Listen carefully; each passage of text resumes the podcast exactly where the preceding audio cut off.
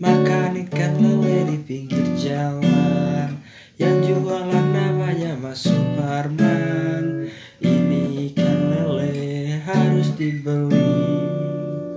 Kalau disewa namanya kos-kosan.